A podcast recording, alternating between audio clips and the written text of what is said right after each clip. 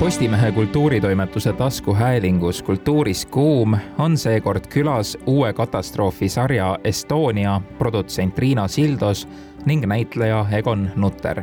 kes räägivad lähemalt enam kui viisteist miljonit eurot maksnud ja mitme riigi koostöös valminud tippseriaali tegemisest. Sildose ja Nutteriga rääkis kultuuritoimetuse ajakirjanik Ralf Sauter kaheksaosalist Estoniat saab alates viieteistkümnendast oktoobrist näha Telia Inspira kanalil. tere, Riina! tere! tere, Egon! ka tere! mõlemad Estonia sarjast, mis viieteistkümnendal oktoobril Telia Inspira kanalile jõuab ja selle sarja nii-öelda jõud on olnud äh, pikalt kestev juba, et, et meedias on aina rohkem tulnud äh, põnevaid teateid selle kohta ja nüüd on see lõpuks äh, jõudmas Eesti televaatajate ette. aga selle valmimine on kestnud juba päris mitu aastat, kui ma ei eksi, siis äkki neli oli see, neli aastat tagasi hakati tegema? no võib-olla kaks tuhat üheksateist kindlasti oli see idee, kui avanesid ka konfidentsiaalsusnõudega äh, isiklikud ja muud arhiivid, nii et, et, et siis oli nagu võimalik vaadata seda võib-olla veidi sügavuti ja, ja, ja, ja kõigil kolmel maal siis Rootsis, Eestis ja ja Soomes samamoodi siis moodustati ekspertide äh, grupid, kes kirjutasid sellise väga põhjaliku ülevaate äh, Äh, toimunud sündmusest ja siis, ja selle kajastusest meedias, nii et, et äh, meil olid jah, sellised sajaleheküljelised nii-öelda pullad, mis äh, oligi siis aluseks, kui me hakkasime, või no taustauuringutega oli tegelikult tegemist, et, et mis andis siis sellise aluse ka stsenaariumi kirjutamiseks, et põhimõtteliselt küll, et kakskümmend toimus väga mm, intensiivne töö stsenaariumitega ka erinevas kolmes riigis meil olid äh, nii-öelda, mm, eesti keeles on see võib-olla nii stsenaristide grupid äh, Eestis, Rootsis ja Soomes ja seda koordineeris Miiko Oikonen Soomest, kes on siis showrunner. ja, ja sest noh, meie jaoks oli väga oluline selline tasakaalustatus algusest peale loomulikult ja väga oluline oli, oli ka see, et et kõikide maade nagu stsenaristid saavad ikkagi ähm, panustada, et, et see oleks võimalikult autentne kas stsenaristide valimisel oli ka oluline see, et nad oleksid võimalikult hästi kursis juba Estoniaga, olnud kuidagi isiklikult või kaudsemalt seotud sellega, mille järgi need valiti? professionaalsuse järgi ikka. ja nad pidid hakkama siis ühesõnaga põhjalikku uurimustööd tegema et...? Ütleme niimoodi, et eks nad olid kursis ja nad äh, ka muidugi tutvusid selle mm, raportiga või noh, ütleme selle uurimustööga, mis oli see, mis oli konfidentsiaalsuse all? ei, ma räägin praegusel hetkel ikkagi nii-öelda taustauuringutest, et noh, meil oli sajaleheküljeline äh, uurimus äh, siis toimunud sündmustest ehk ülevaade ja, ja, ja eks nad olid ka muidugi kursis, noh, ma arvan, et iga intelligentne inimene Eesti Vabariigi pinnal teab, mis, mis see oli ja ja, ja, ja ühel või teisel määral on kursis äh, toimunud sündmustega. Ja see mitme riigi koostöö, et ma kujutan ette, et väga põhjalikud läbirääkimised käisid selleks, et seda kõike korraldada ja, ja see tasakaalustamise küsimus on ka oluline, et noh, ma kujutan ette, et kui teha, ütleme, seriaal mingist sündmusest, mis on mõnikümmend aastat tagasi toimunud, mille, millega seoses on inimestel ikkagi haavad see kõik, kas see käib kuidagi intuitsiooni järgi, et kuidas siis seda võimalikult tasakaalustatult teha, on mingisugused ettekirjutatud reeglid, mida peab justkui järgima, et kuidas see nii-öelda mõõtmine käib, et kuidas seda võimalikult äh, tasakaalukalt ja austavalt teha? Äh, no ütleme niimoodi, et kuna Estonia huku teemal on tehtud äh, mängufilm Juta Raabe poolt üheksakümne seitsmendal aastal, kui ma ei eksi, mis noh, oma kunstiliselt tasemelt ja, ja, ja oli, oli mitte väga huvitav, ütleme niimoodi. Ja, ja, ja ma arvan ka, et paljudel vaatajatel oli mingil määral pettumus ja võib-olla oli ka see liiga vara tehtud, sellepärast et kui me vaatame üldse laiemalt maailma kinematograafiat, siis äh, tegelikult äh, traagilised sündmused ühe või teise rahva elus saavad kajastatud alles mingi kahekümne aasta pärast, et ükstapuha, kas me vaatleme mingit äh, sõda näiteks Balkani maades või et, et on kuidagi vara nagu vaadata seda kõrvalt või võõranduda kõigest, sest see, see, see liiga, see liiga emotsionaalne pilk või, või noh, see segab mingil määral jutustamist, eks. et, et see võtab aega, see on üks asi ja teine asi on see, et, et Kanal kahes oli ka dokumentaalsari äh, Estonia hukust, mis oli noh, mulle isiklikult vastuvõetamatu, sellepärast et ta jällegi äh, ekspluateeris seda konspiratsiooniteooriat, ma saan aru, miks selliseid asju tehakse, sellepärast et äh, seda, see teema müüb äh, ja, ja aga aga mina selliseid asju ei tee põhimõtteliselt ja seetõttu need inimesed, kellega me koos tegime, need kaastootjad ja need tootjad,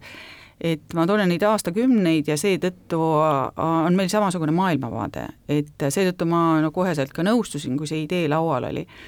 et äh, see oli ka meie nii-öelda noh, nõudmine mingil määral, et, et, et, et see lugu oleks ähm, tasakaalustatud selles mõttes, et ta ei ekspluateeriks äh, ei seda teemat ega neid inimeste tundeid e,. ja ma arvan, et meil õnnestus see väga hästi tegelikult, et, et ähm, võib rahule jääda, ütleme nii. no ma esimest kahte osa nägin ja, ja noh, tõesti positiivse külje pealt võin öelda, et äh, ilma mingit sent-, äh, sensatsiooni otsimata ja ilma sentimentaalsust taga ajamata suutis ta olla samal ajal liigutav ja, ja põnev ja, ja mulle meeldis tegelikult alguses see ka, et äh, juba noh, ütleme idee tasandil, et tegelikult peatootjad olid soomlased, sest noh, Eestis me ei saa mitte iialgi sellise tasemega seriaali mm -hmm. teha äh,, olla selle algatajad ja teine asi on see ka, et ma arvan, et üks järgnevad kümme aastat kindlasti sellisel tasemel seriaali siin ei sünni ja, ja soomlased olid kuidagi, nad on nagu vahepeal põhimõtteliselt, eks ole, et, et rootslastel oli väga selge oma nägemus ja, ja eestlastel samamoodi ja tegelikult soomlastel. aga, aga, aga kui seda seriaali vaadata, siis ma ei hakka praegusel hetkel seda ümber jutustama, siis noh, küsimus on ka nagu, et juba rahvuslikul tasandil nagu, et et äh, eks ma nüüd olen väga poliitkorrektne, aga noh, ütleme, soomlased on ka ikkagi rootslaste jaoks võib-olla selline mm, lihtsamate arusaamadega rahvus ja ja siis noh, meie oleme ka ju kuskilt tulnud Ida-Euroopast ja üleüldse nagu ja eriti räägime üheksakümnendatest, siis noh, kuskilt Nõukogude Liidust ja et, et, et seal olid noh, mingisugused sellised teemad väga tugevalt, et, et ka seda nagu neid äh, aspekte nagu on selles seriaalis olemas, aga ma arvan ka, need on suht intelligentselt nagu ikkagi kajastatud, nii et sa suudad ridade vahelt küll aru saada et, et mis, äh, mis mis tüüpi konfliktid sellel ajal olid. ja need riikidevahelised dünaamikad paistsid väga välja teisest osast, jah mm. -hmm ja muidugi selleks, et dramatiseerida võimalikult äh, mõjuvalt äh, mõnda tõest, tõesti sündinud lugu, tihtilugu pannakse loole ka võib-olla juurde tegelasi, kes on siis nii-öelda stsenaariumi jaoks välja mõeldud, tehakse mingeid mugandusi selles tõesti sündinud loos kui palju on selles sarjas võib-olla tegelasi, keda päriselt ei eksisteerinud, mingeid olukordi, mida päriselt ei eksisteerinud, kui palju te pidite spekuleerima, et mis võib-olla juhtus näiteks pardal? sellele küsimusele ma ütleme, ei anna nüüd sajaprotsendilise,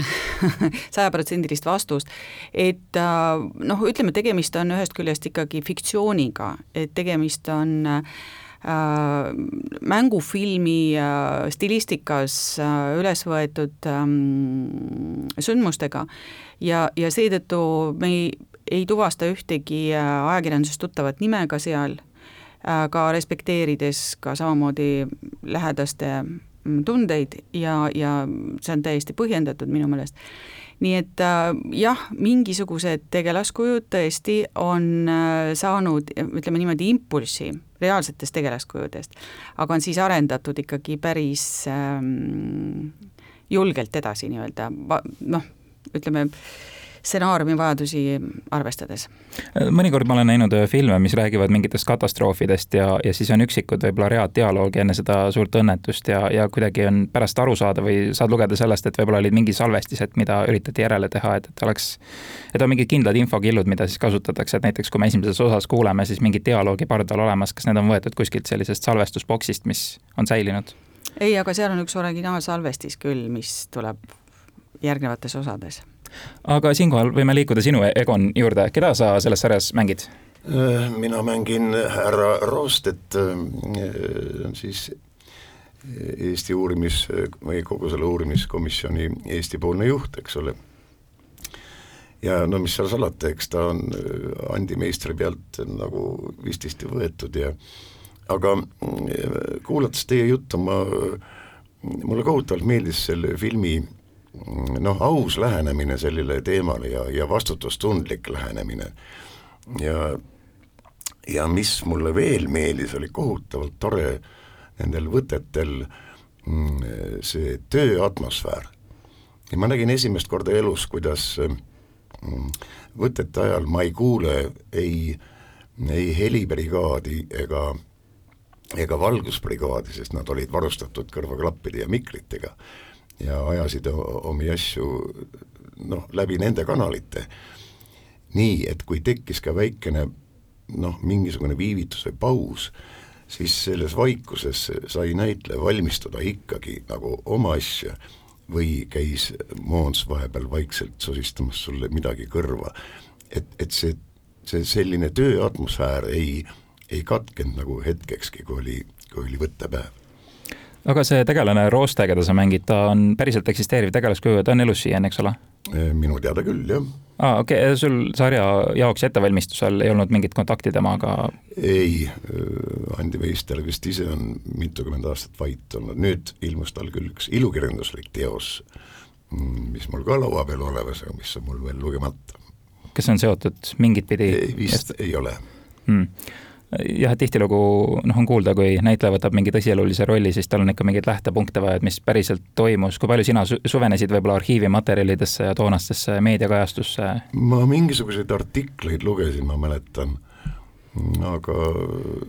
noh, mul endal on nagu mälus silme ees seal mingisugused lõigud televisioonist ja kus seda sündmust kajastati ja kui see komisjon koos käis ja ma, isegi Andi Meistri nägu oli mul kuidagi mällu söövinud ja ja kui ma läksin Krimmi või Krimmi proovi, siis ma arvasin, no mida nad mulle siis nüüd teevad, et et kas kleebitakse habet või ja sasisin oma juuksed ja küsin, et noh, mis nüüd siis saab, kas lähme juuksurisse, öeldi ei, that's correct. Nii jäi ja et Andi Meistri nägu see üldse mitte ei ole seal küll jah ja., absoluutselt kas Egonil on mingisugune sarnasus ka Roostele, miks ta näitlejatest valituks osutus või ei olnud see nii oluline, et need sarnasused eksisteeriksid? ei, no ütleme niimoodi, et ma pean kogu selle meeskonna kohta ütlema, et äh, ma arvan, et see on küll selle regiooni absoluutne tippmeeskond, kes sai koos töötada ja, ja ka tippnäitlejad. Eesti näitlejate puhul küll. Me kuuleme siiamaani ainult äh, kestvaid, kestvaid kiiduavaldusi või, või et, et väga-väga äh, äh, sügava mulje jättis Eesti näitlejate töö, aga tegelikult kogu meeskond, et kui me räägime režissööridest, Måns Månson, kes on äh, ka tegelikult ju mängufilmi tegija põhiliselt ja ta filmid on, äh, ta on teinud vist kolm mängufilmi ja need on olnud kõik kas äh, Tribeccas, linastunud Berlinaalel, Berliini filmifestivalil ja, ja, ja ta on, ta on hästi tugeva visiooniga, samas väga rahulik ja väga tugeva empaatiavõimega inimene, et ähm, ja mulle meeldis see ka, et, et ta töötab nagu erinevates žanrites. Äh, ja siis ähm,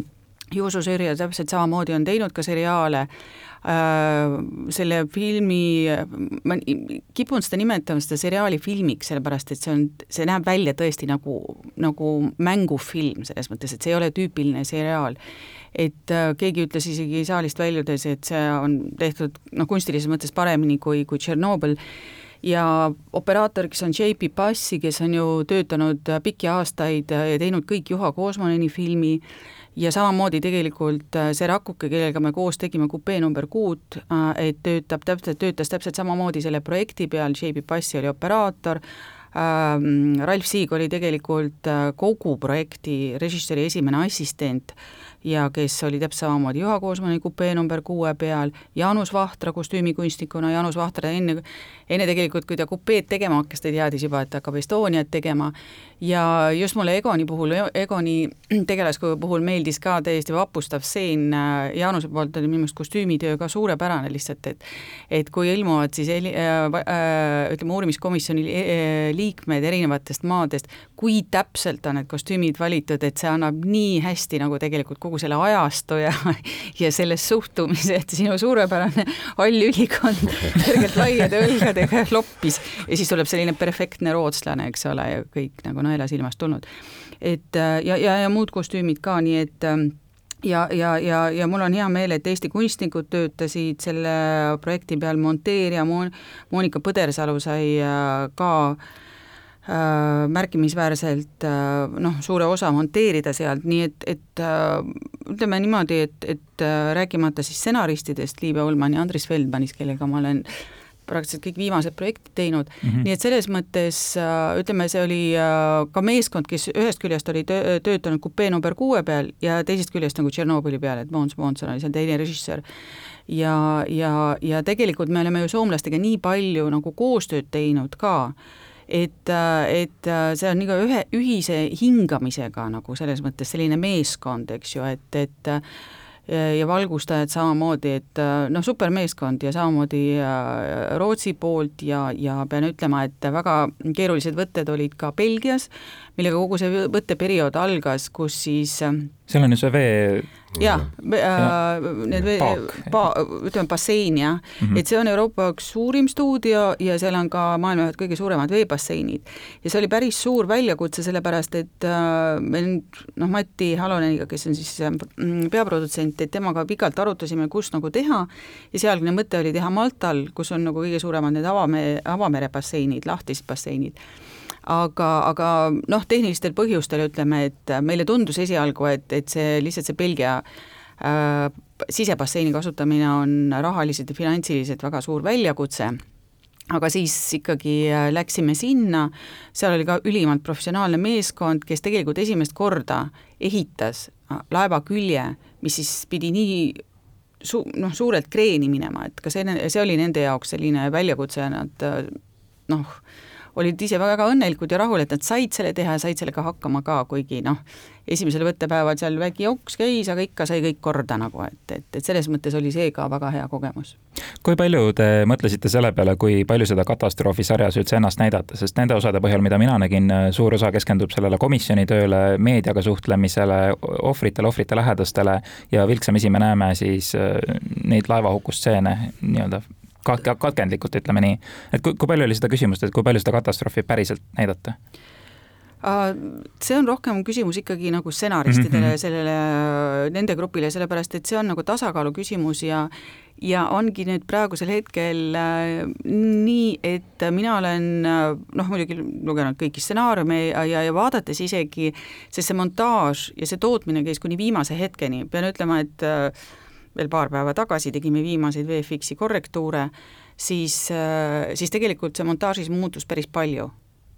et, äh, et äh, nii, et see on nii-öelda tasakaalus ja mulle väga meeldib tegelikult see montaaži lõplik tulemus ka, et, et esialgu tegelikult noh, need esimesed rough cut'id olid suhteliselt lineaarsed siiski mm et äh, ma võin öelda, et järgnevates osades me näeme ikkagi veel ütleme, uppuval laeval toimuvat, aga, aga põhiliselt see ikkagi keskendub nagu selles mõttes nii-öelda nendele inimestele ka, kes äh, olid otseselt sellega seotud, kes üritasid aidata nii palju, kui see võimalik on, nii päästjad kui ka ütleme, me räägime ka naisvaimulikust nagu Rootsis ja, ja, ja, ja nende perekondad, et kuidas nad tunnetasid seda, et et tegelikult me näeme siin rohkem nende ümbritsevate inimeste ka sügavat kaastunnet ja valmidust abistada ja, ja, ja olla toeks, ehk siis ulatada see käsi sellisel väga-väga traagilisel hetkel ja Egon, sinu ülesanne filmis on äh, olla seal Eesti-poolses komisjonis ja käia läbi siis Soome ja Rootsi poolega kogu sellest tiimist, kes kokku tuleb, et seda kõike uurida? jah, ega see nii lihtsalt neil ei käinud, seal tekkis ju ka omamoodi nagu maavõistlus. jaa, konflikt, jah ja soomlased olid jah, seal erapooletuna seal vahepeal. aga seda oli tore mängida, sest ähm, noh, kui on väikesed hõõrumised või mingisugune konflikt, siis on nagu mida mängida, siis ta ei muutu selliseks kuivaks raportiks, et ahaa, nii oli või nii ei olnud. et ma olen väga õnnelik tegelikult, et ma sinna kampa sattusin ja oli ülimalt äh, tore mängida seal kuuskümmend pluss vanameeste kambas kus siis ühed olid Rootsist ja teised Soomest ja sai omavahel juttu rääkida ja, ja tööd teha ja ja Moons oli noh, äge režissöör seal, tasakaalukas, tähelepanelik, no just nagu siin öeldud, sellise empaatiavõimega ja noh, ülimalt äge tiim. no Belgias ju ometigi ei käinud? ei, Belgias mina ei käinud, käis Kaspar Weinberg, ta ütles, et see oli elamus omaette. ja Doris Tisler. jah, et tuukrite brigaad oli all põhjas igaks juhuks valmis, sest ta, kui see torm seal ikka toimub, siis ta võib sul mõistuse peast viia, sa ei saa enam aru, kus on, kus on põhi või kus on veepind. nii et julgestus oli igaks juhuks all ma tahtsin kusjuures kohe alguses teie käest küsida, et kuna ma ise olin kolmeaastane, kui Estonia katastroof toimus, et mul ei ole tegelikult ju mälestust sellest, nii et tahtsin teie käest küsida, et kuidas teie seda päeva ise mäletate, et on? No masendav, sellepärast et ma olin, ma olin kuu aega ennem oma väikese pojaga seal Rootsis just käinud. käisin isa haual vist ja, ja, ja seetõttu ma kujutasin väga ette, mul oli see pilt oli värskelt silme ees juba seda mõeldes no hakkas, hakkas hirmus. et sellised traagilised sündmused jäävad ju tegelikult noh, rahvamällu kau-, kauaks ajaks mm. -hmm. aga samas Kanadas ma kuulsin, kus ka ju see film nagu esilinastus, et mhm. noored polnud kuulnud ka niisugusest asjast mm. -hmm. Nad elavad ikka hoopis teisel pool maakera mm, jaa, noh, väga paljud isegi Euroopas nagu selles mõttes, noh, ütleme jah, et sellest on pea kolmkümmend aastat möödas, no kakskümmend üheksa, aga, aga väga paljud, ütleme noh, vanem põlvkond äh, ikkagi on kuulnud, aga ütleme, selline kolmkümmend, nelikümmend, et nende jaoks võib-olla see jääb jah, juba selle tohutu meedia informatsiooni laviini all, mis meil igapäevaselt toimub, et see on kuskile mällu, mälust pühkunud, aga aga võib-olla mina mäletan ka väga hästi seda, sellepärast et sellel hetkel ma viibisin Soomes filmifestivalil Armastus ja anarhia ja, ja, ja hotellis millegipärast öösel hakkas tuletõrje alarm tööle. Et ja tegemist oli äh, sellise õppega, see oli kuskil kell kolm, kaks-kolm öösel ja mina mõtlesin, mina küll ei lähe sinna välja nagu, et jäin korraks magama nagu ja siis hakkasin nägema sellist unenägu, kus äh, just nimelt eestlased põgenesid oma elu eest, et ja, ja keegi tulistas neid, et noh, see, ma nägin neid hukkunuid või neid, neid keda see kuul tabas ja see jättis mulle no nii niisuguse ängistava mulje, ma ärkasin üles, panin televiisori käima ja sealt olid üles raadiouudised. Ja siis hommikul äh, ma läksin laeva peale, et Eestisse tagasi tulla ja siis ma mäletan, et me istusime seal, olid teised filmiajakirjanikud ka, istusime üleval laeva teki peal, see oli kaheksas korrus ja laine peksis nagu üle laeva, et, et noh, need olid tegelikult äh, see torm sellel merel oli lihtsalt noh, ebainimlikult nagu suur ja tugev, et, et ja, ja kui millal, kui hiljem hakati rääkima sellistest konspiratsiooniteooriatest, siis ma ütlen ausalt, et olles seesama nagu mingid tunnid hiljem selle laeva peal, teises suunas küll, ei, mul küll ei olnud kunagi sellist äh, mõtet ka, et see võis olla mingi tahtlik äh, akt kui selline, et äh, kui sa tunnetad korra sellist meeletut loodusjõudu ja, ja saad aru, et, et noh, tegemist on vana, võib-olla ka vigase laevaga, siis, siis nii oli lihtsalt. No vot, ma tunnistangi, et kui ma olen üheksakümmend üks sündinud, siis jah, ma, ma tean seda põhilist lugu, ma tean, et paljud inimesed said surma, ma saan aru, et mingi seletus anti üsna ruttu sellele komisjoni poolt ja siis pärast seda on hakatud äh, lahti muukima nende vandenõuteooriate kaudu ja ma olen vahepeal niimoodi süvenenud meedias nendesse vandenõuteooriatesse või vähemalt pilgu peale visanud, et milles need seisnevad ja neid on väga-väga erinevaid, mitmesuguseid. nii et minu teadmised tegelikult ka, kui ma ütlen ausalt, piirduvadki sellega, et, et ma tean, mis amet, ametlik selgitus oli, et laev oli vigane, et ta läks väga ruttu kreeni ja et on vand-, vandenõuteooriad, aga muidu ma vaatasin sarja üsna puhtalt lehelt, ma arvan jaa, noh, ma arvan, et tegelikult see on ka inimlikult arusaadav, et, et kuna see valu on nii suur ja, ja lein võib öelda ka üldrahvalik, siis, siis seal peab olema üks inimene, keda kiviga visata mm. -hmm. et siis, siis sa mõtled, et sul läheb kergemaks siis. tegelikult ei lähe, et, et, et selle seriaali mõte oligi, et, et räägime nüüd koos korraks sellest ja elame selle koos läbi. mitte, et me tõesti leiaks süüdlase, keda kividega visata surnuks ja, ja paratamatult, kui ma nii-öelda Postimehes vahendasin uudiseid selle sarja kohta, siis neid kommentaare ikkagi tuli, et ah, et milleks on vaja nüüd sellega mingeid haavu lahti kiskuda, hakata raha teenima, et hästi palju on sellist küünilist suhtumist ka, et, et alati, kui keegi tahab mingit sarja teha, et seal on alati selline tööstuslik kommertslik pool sees, et teenime lihtsalt mingi looga raha, mis inimesi puudutab. ma ei tea, kui palju sul on seda hirmu, et võib-olla paljud inimesed ei taha seda vaadata tingituna sellest valust? noh, päris aus olla, siis võib-olla kindlasti on, äh, sellepärast et äh, mida inimene töölt tulles äh, tahaks näha, ikka komöödiat, meelelahutust ja, ja muud sellist asja, eks ju. aga no, noh, selles mõttes see seriaal ongi äärmiselt kõrgel kunstilisel tasemel, et noh, kui ta valiti nüüd Toronto filmifestivali primetime sektsiooni, kus siis noh, ma ei tea, üle kahesaja se-, seriaali, mis sinna taotlesid ja sealt valiti üheksa, need on maailma absoluutsed tippseriaalid järgneval aastal, mis välja tulevad, siis, ähm, siis tegelikult on tegemist kunstiteosega, et äh, ja, ja ja kas me hindame nagu tavaliselt noh, et kas on mõtet seda teha või ei ole mõtet, et kas, kui palju see nüüd raha sisse toob või ei too, siis selliste niimoodi jutustatud lugude puhul ma ei esita selliseid küsimusi. ja teadupärast kommentaariumid Eesti Vabariigis ja kindlasti mujal on ka üks väljaelamise koht inimestel ja palun väga, muidugi, igalühel on oma arvamus. jah, ma just mõtlesingi, et kui see eelmine film Balti torm tuli kahe tuhande kolmandal aastal välja, siis äh, kui palju sellist reaktsiooni üldse oli, aga võib-olla seda ei olnud lihtsalt eriti märgata, kuna siis ei olnud neid kommentaariume, lihtsalt ei olnud nii, et iga inimene saab lihtsalt internetis oma arvamuse öelda? ei, ei olnud ma olin siis täielik vaikus. aga siis, kui see film tuli? ja, ja, ja selles mõttes, et noh, muidugi ilmus filmikriitika ja, ja, ja see väga kiitev ei olnud ja Äh, noh, hinnati ka filmi kunstilist taset ja üldse no see ei olnud kõige suurem õnnestumine ka, peaks ütlema ausalt. aga ma oma ignorantsuses pean ikkagi küsima, et mis on rootslaste suhtumine sellesse tragöödiasse, kas see on nende jaoks sama valus jätkuvalt kui meie jaoks, kas nad on kuidagi kultuuriliselt, rahvuslikult teistmoodi läbi töötlenud selle aastakümnetega? Ma arvan, et nad on, äh, vähemasti mulle tundub äh, ja ma jällegi äh, praegusel hetkel avaldan arvamust ainult meedia põhjal, eks ole, et nad on võib-olla jah, rahulolematumad võib-olla ütleme, mingite kompensatsioonide ja muude asjade osas, et ja neil on neid ühinguid mitmeid, kes omavahel ka võib-olla omavad erinevat arvamust ja vaatepunkti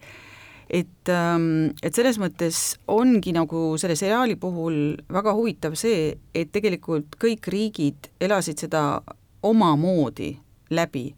Ja, ja, ja, ja siiamaani omavad nagu noh, sellist väga selget oma seisukohta või oma vaatepunkti sellele loole, eks ju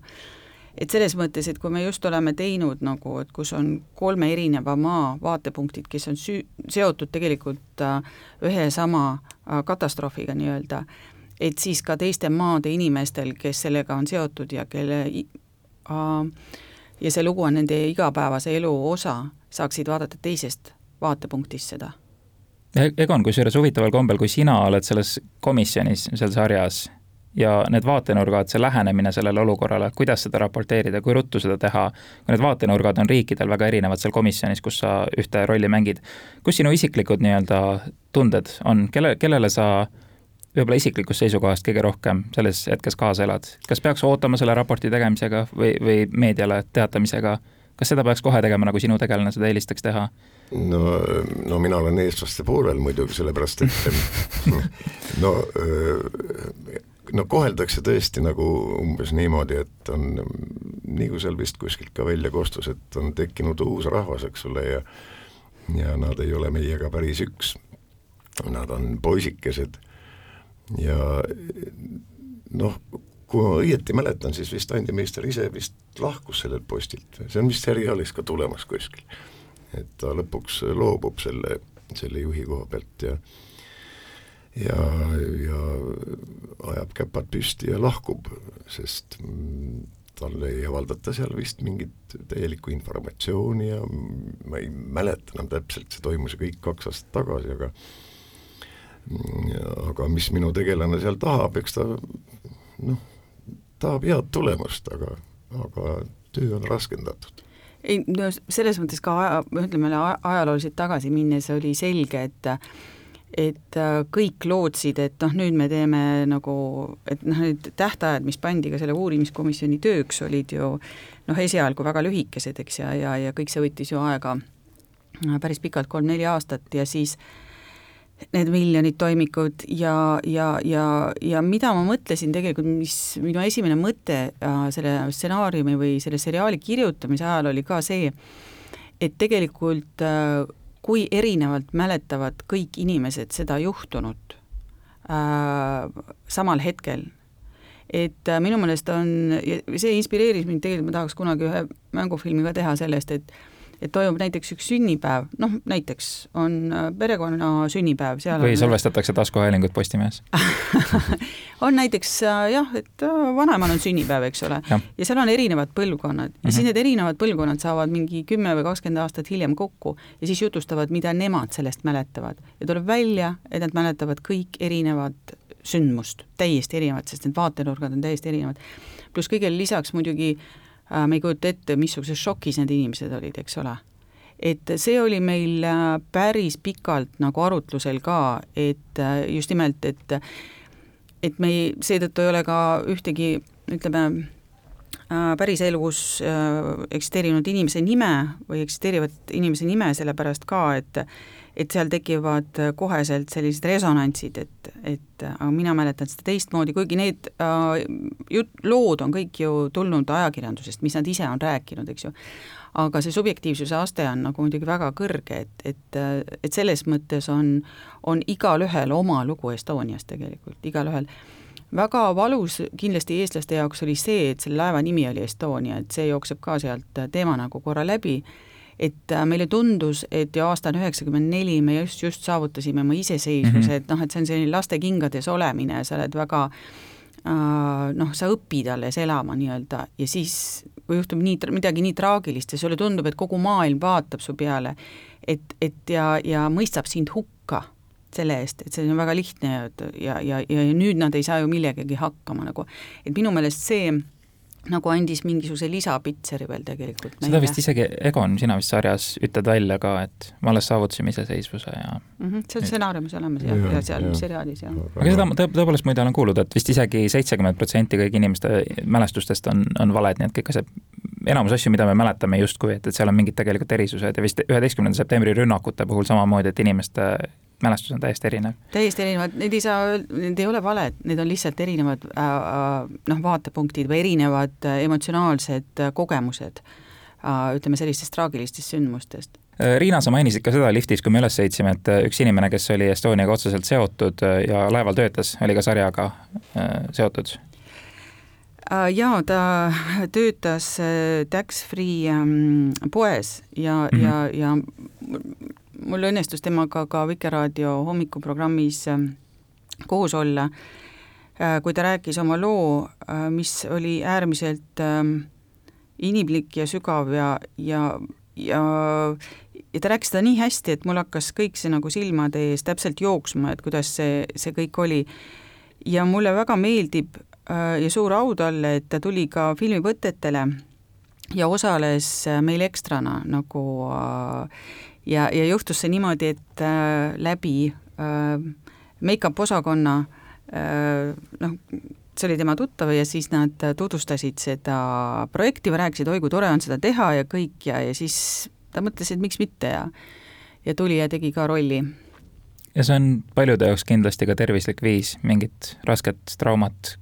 kuidagi läbi töödelda enda jaoks? võib-olla tõesti, ma ei oska seda öelda, aga, aga mm, aga kuidagi mulle tundus, et äh, ta on sellega, ta on selle läbi elanud ja, ja ta on äh, ma usun, et ta elab täiesti täisväärtuslikku elu, see kunagi ei lähe talast, tal meelest ega mälust ja kui ta rääkis, oli see tõesti väga noh, elav, nagu oleks seal kohapeal olnud. aga elu läheb edasi. ja paljudel on ju kindlasti ka ellujääja süü, et need, kes jäid ellu, need tunnevad, see on täiesti eksisteeriv äh, fenomen, kus inimesed jäävad mingis katastroofis ellu ja nad ei suuda kuidagi leppida selle tõega, et neid justkui päästeti ja kõik teised surid. Äh, no kui sa sellel juhu, sellel hetkel, sellel äh, raskel hetkel teed kõik endast olenevat veel kedagi päästa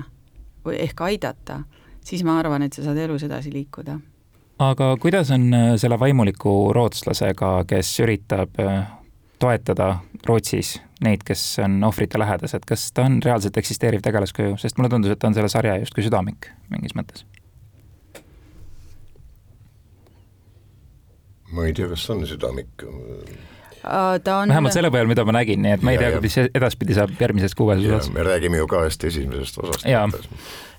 no see ongi põhimõtteliselt seriaali kolm sellist põhilist süžeeliini ongi mm -hmm. Eesti lugu tuleb läbi uurimiskomisjoni, soomlaste lugu tuleb läbi päästjate, ehk siis need, kes siis helikopteritega õnnetuse hetkel kohal olid. Ja kolmas liin on siis, Rootsi liin on tõesti läbi naisvaimuliku. ehk siis tegelikult annab meile selle, ütleme, kannatanute või siis hukkunute lähedaste vaatenurga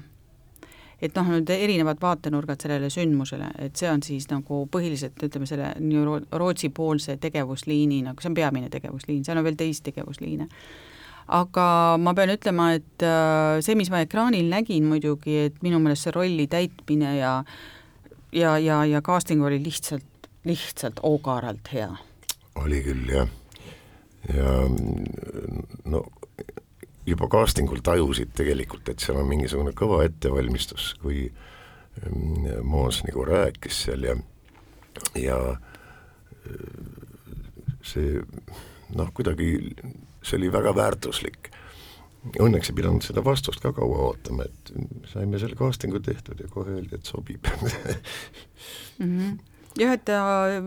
tegelaskuju nimi on Mikaela Karlsson ja, ja ja, ja näitleja on Cecilia Miloko, noh et, et, et ja, ja see tüpaaž ka selles mõttes, et äh, ta tuuakse sisse sellise tegelaskujuna, kes läheb nii-öelda valg-, valge kaardiga carte blanche põhimõtteliselt, et ta, no ütleme, esialgses stsenaariumi versioonis oli oli tegelikult äh, Kaar Pilt, helistab talle ja kutsub ta, et, et põhimõtteliselt ta saab selle, selle teate. äh, ma räägin, seda ei ole seriaalis, et see oli meie esialgne versioon. ja, ja, ja et ta saab selle uudise ja siis ta palub, et ta läheks sinna, et nad on omavahel tuttavad, et ta läheks sadamasse ja et kui hakkavad saabuma, noh, ütleme, kas siis need päästetud või hiljem aga hakkavad saabuma siis äh, need inimesed, kes on tulnud oma lähedastele vastu, et ta kuidagi äh, selles mõttes, et nad kindlasti vajavad hingeabi, et ta läheks sinna, eks ju et ähm, ütleme, see tegevusliin on natuke lihtsustatud, aga, aga ütleme, selliste süütute silmadega minna sinna, saada aru, mis olukord tegelikult on ja mis hakkab toimuma, see oli minu meelest no nii inimlikult tehtud, et ma, ma läksin kohe sinna sisse, et ma kohe samastusin sellega, et, et, et et ma teeksin ju samamoodi ja ma käituksin samamoodi. et äh, minu meelest oli see küll suurepärane ja noh, ega ei väsi kiitmast, seal on kõik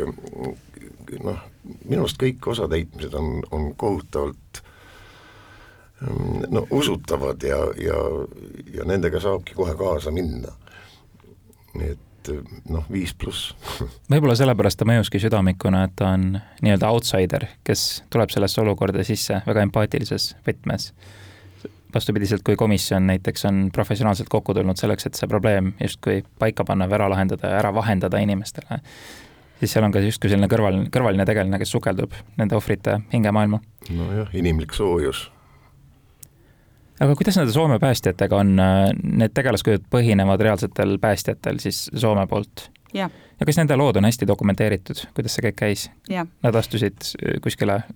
ka komisjoni ette, et rääkida ja, sellest? jah jaa, mis on seal ka seriaalis olemas tegelikult, et jaa, seda küll kõik on noh, selles mõttes kõiki on neid intervjueeritud ja kõik on see fikseeritud. aga eks mis fiktsiooni element siia kindlasti sisse tuleb, on see, et aga mis toimub perekonnas et kuidas tegelikult perekond saab hakkama sellega, et, et noh, isa selle läbi tegi ja kõik need järgnevad uudised, mis sealt äh, pidevalt laekuvad sinna perekonda, kuidas see mõjutab nagu lapsi ja abikaasat ja nende järgnevat elu, noh et, et see muidugi nagu on, ütleme noh, fiktsioon, aga, aga jah, põhimõtteliselt küll jah, need tegelaskujud äh, põhinevad reaalsetel inimestel kui palju see sari üritab öelda selle kohta, kuidas meedia kogu seda olukorda vahendas, et mulle oli tunda sellist kriitikanoolt, eriti teises osas, kui need ohvrite nimed lehte pannakse ja see ei olnud kriitika, sellepärast et äh, ma töötasin Eesti Raadios sellel hetkel äh, ja, ja ma mäletan täpselt äh, väga hästi, mis toimus nimedega, noh, missugune meeletu äng oli, et missugused äh, Äh, ütleme nii, et et kes on hukkunute listis ja kes ei ole ja, ja, ja see oli arusaadav ja see, see meeletu telefonihelin ja, ja siis luba ja mitteluba nagu seda avaldada, et ma arvan, et tegelikult meedia oli, oli samamoodi siiski äh, samasuguses kaoses nagu inimesed, kes seda informatsiooni tahtsid. ja äh, me teame ju Arvo Pihti lugu ja, ja, ja noh, kõike seda, et mingil hetkel keegi helistab ja siis inimesed nagu arvavad, et ta on elus või ei ole, nii et, et, et see oli noh, jällegi selline ütleme nii-öelda transiseisin-, seisund või selline väga, väga keeruline psühhoosiseisund, et et ja, ja seda põhimõtteliselt me üritasime ka kajastada, et ei saa öelda nüüd, et me saaksime meediat süüdistada, et võib-olla jah, et see oli tegemist Rootsi ajalehega, et ma arvan, et Eestis olid kõik ikkagi ajalehed vähemasti olid ikkagi välja peetud, sest meil ju siis kollast ajakirjandust nii väga tugevalt veel ei olnud arendatud, ei olnud jõutud veel. ühesõnaga, Rootsi ajaleht oli esimene allikas, kust oli võimalik lugeda, kes need ohvrid olid ja siis see info tilk, tilkus edasi Eestisse ka? Äh, me räägime seriaalist. no vot, siin on ka huvitav eristus, et äh, millised muutused on tehtud seriaalis um,. Ralf, kui sa vaatad ära kogu seriaali siis saab analüüsida. Ja ma üritan siin lähtuda tõesti esimesest äh, kahest osast. Ja eks võib-olla see meediakajastuse punkt äh, tuleb ka Kalevi filmist natuke, kus oli rohkem võib-olla sellist meedia hoiakute ja mentaliteedi teemat ja natuke sama ajastu ja seetõttu võib-olla lugesin sellist meediakriitilisust sealt äh, samamoodi välja. No ikka, selles mõttes, et see on jällegi kellegi vaatepunkt sellele asjale, et, et arusaadav, et meedia ju ekspluateerib seda teemat ka samamoodi, et ja siiamaani jaa, absoluutselt, et, et saada noh, et olla huvipunktis, et, et müüa öö, oma väljaandeid. ka see on inimlik, midagi ei ole teha. jah, eks ta nii kipub olema. kas muide, kui sa mainisid seda nii-öelda eristust seriaalide ja mängufilmide vahel, siis mulle tundub, et see piir ongi hakanud aina rohkem hõrenema ja vahepeal näeb ütleme, kolme-neljatunniseid voogedastusfilme, mis justkui võiks nagu lõigata sarjaks, episoodiliseks ja, ja samamoodi on sarju, mis on piisavalt lühikesed, et olla hästi pikk film nii et äh, aga, aga kuna see on, see on loo jutustamise põhine noh, ütleme selline analüüs. tegelikult, äh, mis on huvitav seriaalide puhul, on just see, et äh, noh, mulle endale väga meeldivad seriaalid sellepärast, et nad võimaldavad sul rohkem lahti kirjutada erinevaid süžeeliine ja põhjalikumalt. et sa, sa võid võrrelda seda nagu suure-suure sellise lõuendina, erinevalt mängufilmist, eks ole, kus sa pead pidevalt kärpeid tegema aga kui me räägime tegelikult nüüd sellisest visuaalsest äh, keelest, siis äh, minu meelest on, õudselt kaotame tänu väikestele ekraanidele ja tänu VOD-platvormide nagu ütleme, levi, see levi, kui uuele levikanalile lihtsalt sellepärast, et kui me vaatame, missugused suurepärased tippteosed ka maailmas on kõigepealt äh, liikunud Annihilation, noh näiteks esimese mm -hmm. näite, eks ole, kus on meeletult huvitav visuaalne keel, on liikunud väikesele ekraanile. Estonia puhul on mul ka kahju tegelikult, et äh, ta liigub koheselt väikese ekraanile, sellepärast et seda filmi, ma ütlen jälle film, seda sarja peaks tegelikult vaatama kinos. et suurel ekraanil et äh, hoopis teine mulje, ma kujutan ette, kui ma seda vaatan edasi sealt väikesest televiisorist, siis äh, no, kahvatab võib-olla. ja ma loodan väga, et äh, väga paljudel on kodus Covidi ajast juba suuremad televiisorid või kodukinod et siis sul on nagu see ekraani suurus tegelikult määrab ka ja, ja, ja see esteetika on ikkagi noh, mängufilmi esteetika nagu, et selles mõttes on veidi kahju jah, et ta läheb väikesele ekraanile, aga aga teha pole midagi, et, et äh, ka mitmed väga head mängufilmid on ju läinud paari-paari mingi festivali käiguga koheselt nagu erinevatele platvormidele, et see minu meelest üldse filmikeele arengus ja kinematograafia arengus praegusel hetkel on on kahjuks äh, olnud mm, ma ütleks, väga suur nagu tagasiminek mingil määral. Ja enamgi veel, ma saan aru, et see sari tuleb ühe episoodi kaupa, et üks episood nädalas ja siis peab jälle nädal aega ootama, mis võib-olla osade jaoks juba harjumatu, sest paljudele meeldib ühte sarja terve jutiga vaadata, eriti kui see on, on ainult kaheksa osa. jaa, aga ma arvan, et tegelikult äh, nüüd on ju ka HBO-s näiteks on, äh, on seriaalid, mis tulevad tõesti iga nädal, et sa pead ootama, Netflixis samamoodi. Aga, aga no ma loodan, et kunagi ikkagi äh, on võimalik vaadata seda ka äh, nii-öelda vabatelevisionis, Free TV-s, et äh, ja siis pärast kunagi on võimalik ka järjest kõike see ära vaadata ja sest need äh, eriti katastroofistseenid on tõesti muljetavaldavad, ma ei, kui kaua see töö täpselt kestis seal Belgias? kas suurem osa eelarvest läks, ma kujutan ette, ikkagi sellele väga palju läks ka VFX-i peale, et äh, tegelikult meil laevavõtted olid ka veel Türgis. me otsisime tükk aega nagu sobivat laeva ja, ja ütleme, laevafirmad äh, eriti ei olnud koostööaldid, ehk siis üldse ei olnud koostööaldid, et, et siis me leidsime tegelikult äh, ühe laeva Istanbuli lähistel, mida omistas üks Soome ärimees. Ja siis me seal saime ka mitmed võtted ära tehtud, aga ikkagi väga palju on äh, siin ka noh, ütleme just selle tormi ja, ja ja päästetöödega seoses on nagu VFX-is ka veel nagu ikkagi järele aidatud, aga see ei ole selline tüüpiline Ameerika nagu multifilm nagu, et, et, et see on lihtsalt noh, ütleme need vihmad ja lained ja muud sellised asjad, sellepärast et noh, nii kõrgeid laineid ja nii tugevat vihma nagu on, on, on keeruline, ütleme, koha peal stuudios luua kas need kaadrid, kus näeme laeva siis selle tormi käes äh, pimedas, kas need on täielikult digitaalsed kaadrid või komposiidid? Äh, mul on praegusel hetkel raske öelda, sest me peaksime vaatama kaader kaader kaupa aga kas Estonia pardal interjööridest, kõigest sellest, kui, kui hea ettekujutus teil nende taasloomiseks oli? no ikkagi meil olid kõik fotomaterjalid ka olemas kunstiosakonnal ja siis läksite sinna Türgi laeva ja oli vaja seda natuke seestpoolt ümber teha selleks, et need interjöörid nii-öelda klapiksid? Äh, seal olid pigem äh, laevatrepid ja, ja interjöörid me ehitasime ka palju stuudiotesse. ja Egon, kus sinu võtted toimusid? Mina sain siin Maarjamäel hakkama ja, ja ühe korra käisin ka vist Turu sadamas ja, ja mingid heliparandused olid korra Helsingis, aga põhiliselt ikka siin kodumaal Su. suures osas selles ruumis, kus see komisjon tegutses? jah äh, no meil olid Topis olid võtted põhiliselt, et sinna oli ehitatud nagu jah, Topis ja korra vist Aeblas oli mingisugune pressikonverents seal ja ja noh, seal oli veel mingeid elulisi stseene ka, kui ma käisin kellelgi kodus, mis olid siin kuskil, ma ei mäleta täpselt, kus nad täpselt olid, aga mis mulle veel meeldis, on see, et et need katastroofstseenid nii-öelda et nad ei ole ju noh, nad lähtuvad äh, kellegist tunnistajast või niimoodi, et ta on, ta on siis selle kas tunnistaja peas või noh, ta, ta lähtub millestki, mitte sellepärast, et noh, et näidata, kui õudne see kõik on mm, -hmm. et ta, tal on mingisugune ajend. aga huvitav, kui tegemist on olukorraga, kus päästja päästab kellegi, kas see on siis päästja perspektiiv või pigem selle päästetu perspektiiv? päästja. päästja mm., jah ja, ja Soomes esilinastusel käies oli äh, kutsutud siis ka äh, ütleme, sellesama osakonna äh, inimesed esilinastusele, ka need helikopterite juhid ja, ja, ja ma rääkisin nendega pärast paar sõna ja nad ütlesid, et see kõik oli nii autentne, et noh, meil meil ei olnud lihtsalt neid Puma helikoptereid enam kuskilt võtta, sellepärast et me ajasime neid siin igalt poolt ja siis me olime sunnitud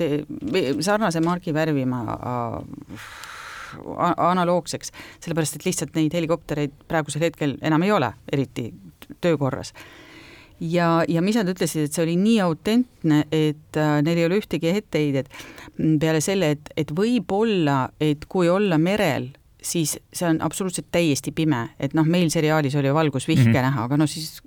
ta peab olema, sellepärast et muidu, muidu ei ole ekraan, ekraanil ei oleks midagi. kas lihtsalt... kopterilt ei tulnud ka mingisugust valgust siis? no see valgus, no vihk on nii nõrk mm. ja et, et, et, et selles mõttes, et meil oli nagu lihtsalt äh, suunatud rohkem valgust filmivõtete tõttu aga õige pea, viieteistkümnendal oktoobril hakkab see sari Telia Inspira kanalilt jooksma, seal võite näha Egon Nutterit isiklikult jah, ja veel Eesti, Eesti tublisid näitlejaid koos teiste välismaa tublide näitlejatega ja, ja erakordses produktsioonis, et